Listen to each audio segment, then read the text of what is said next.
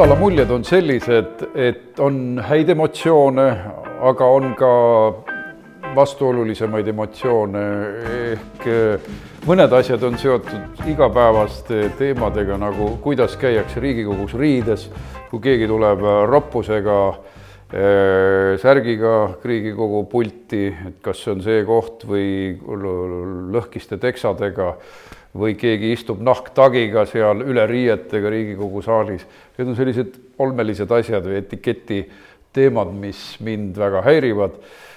varasemas äh, koosseisus oli ka, ka selliseid kummalisi juhtumeid, kus käidi tutimütsiga saalis, siis äh, käidi sellise sportliku pluusiga ja Che Guevara T-särgiga nojah, see on institutsiooni alandav minu hinnangul ja näitab suhtumist Riigikogusse. ehk kui meil on Eesti parlament, siis võiks näidata austust ka igapäevase riietumisstiiliga. E, muidugi on noh, vahva näha, kuidas uued saadikud siin kohanevad ja õpivad, see on pigem e, positiivse poole peale minev samas on olnud häirivaid asjaolusid äh, nagu Marko Mihkelsoni nimetamine väliskomisjoni esimeheks, seda on raske alla neelata, äh, aga ka EKRE inimesed peavad jätkama väliskomisjonis, ehk äh, meie ei saa seda komisjoni tühjaks jätta. sel nädalal on teisteski komisjonides valimised toimunud, ehk mitu EKRE inimest on siis saanud aseesimeesteks. Ja kohe on toimumas ka Euroopa Liidu asjade komisjoni esimene istung, kus ka siis mina olen liikmeks. ma olen ka väliskomisjoni liige. ehk eh, töö läheb kohe käima. ja töö läks käima sellel nädalal ka esimese infotunni näol, kus me küsisime väga otsekoheselt peaministrilt, miks ta valetas enne valimisi maksutõusude teemal, õieti need maha vaikis armutult ja ega tal väga midagi öelda ei olnud, seda võitegi arvata, et kosta pole tal suurt midagi peale uute valede ja keerutamiste, sest ta on otsesõnu välja öelnud ka ajakirjandusele, et valetamine oli poliitiliselt kasulik, mahavaikimine oli poliitiliselt kasulik. ja seda on näha juba reitingutes, et Reformierakond on EKRE-st allapoole kukkunud see vale on lennanud ventilaatorisse, kui nii võib öelda, ja laiali paiskunud. ja lisaks oli üks äh, tähelepanuväärne arutelu, ehk siis õiguskantsler pidas ettekande kolmapäeval, äh, rääkides põhiõigustest ja planeeritavatest kliimateemalistest äh, poliitikatest ning tema seisukoht oli see, lühemalt öeldes, et tuleb vastav seadusandlus välja töötada. ma võtsin läbirääkimistel sõna eh, EKRE fraktsiooni poolt eh, eh, pärast Ülle Madise ettekannet, mis puudutas siis põhiõigusi ja kliimapoliitikat.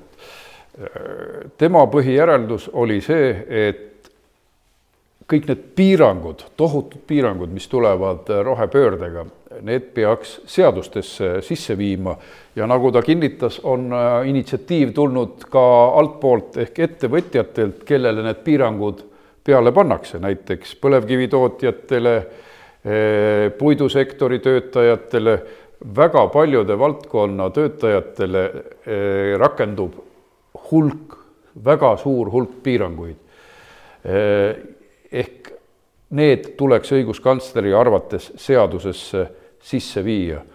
muidugi meie seisukoht on see ja seda ma väljendasin ka meie, minu ettekandes, et tegelikult kogu rohepööre on ränk rünnak omandiõiguse vastu, inimeste töökohtade vastu, ka riigi suveräänsuse vastu, ettevõtlusvabaduse vastu ja kui alustada suveräänsusest, siis eh, tegelikult kaaperdab minu hinnangul Euroopa Liit maksuõigust, mis ei kuulu Euroopa Liidu lepingute järgi üldse Brüsselile. aga siis sellise tegelikult marginaalse teema järgi, keskkonnakaitse paragrahv eh, lepingutes, tungitakse igasse eluvaldkonda. pannakse keeld peale sisepõlemismootoriga autodele.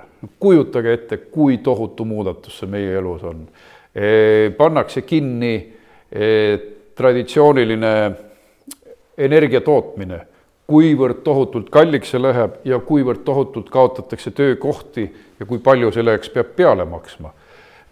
Rakendatakse CO kahe mõõdikuid põllumajanduses ja metsanduses.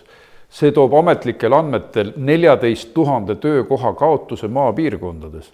see on tohutu piirang inimestele võimalusele, inimeste võimalusele vabalt tööd valida ja loomulikult ka ettevõtjate vabadusele teha siis sellist, tegeleda sellise ettevõtlusega, nagu nad soovivad. see on üüratu mõju inimeste igapäevaelule, kogu riigi majandusele, sisemajanduse koguproduktile, energeetikale. Ehk sellist muudatust ühiskonnaelus nägime me viimati siis, kui me tulime Nõukogude Liidust välja. Me liikusime õiges suunas tookord, me pidime turumajandusele tagasi minema, aga lihtsalt see ühiskondlike muudatuste mastaap saab olema kohati, kohati samas äh, gabariidis, et meie argiellu tungitakse äärmiselt paljudes küsimustes ja ma ütleks, me liigume mitmes mõttes tagasi sinna, kust me üheksakümne esimesel aastal vabanesime. tohutu plaanimajandus keelud, käsud, piirangud, ettevõtlusvabadus, eh, keskvõimu kamandamine, kogu elu suunamine ja siis ma irooniliselt märkisin eh, oma ettekandes, et kas see ongi vabadus, kui me peame kauplema eh, painduvate kõrte, joogikõrte pärast, et invaliidid või voodihaiged saaksid painduvast kõrrest juua Äh, mingisugust jooki. kas see ongi siis meie suveräänsus, kui me peame Euroopa Liiduga selliste teemade pärast kauplema? ja muidugi see kõik tuleb tuttav ette Nõukogude Liidu ajast. me liigume kesk, tugeva keskvõimu suunas tagasi ja rahvuskonservatiivid sellega nõus ei ole. meie kaitseme suveräänsust, meie kaitseme inimeste ettevõtlusvabadust, et see tuleb suur lahing. neli aastat kui Kaja Kallas ametisse astus, siis ta ju esimese asjana äh, nimetas sisuliselt opositsiooni lõustadeks. ta ütles, et kuulge, see on ju Eesti vanasõna, et kui pe-, äh, kui peeglisse vaatad ja lõust ei meeldi, siis on teie probleem. Äh, ja kui sellele tähelepanu juhiti, siis ta ütles, et aga see on ju tore Eesti vanasõna, kuigi see on Nikolai Gogolilt pärit ütlus ja ja ta ütles, et seda on ju väga tore kasutada. aga no nii-öelda kultuuri parandamine jäi täpselt esimesel päeval katki ja hakkas see selline labane opositsiooni sõimamine pihta.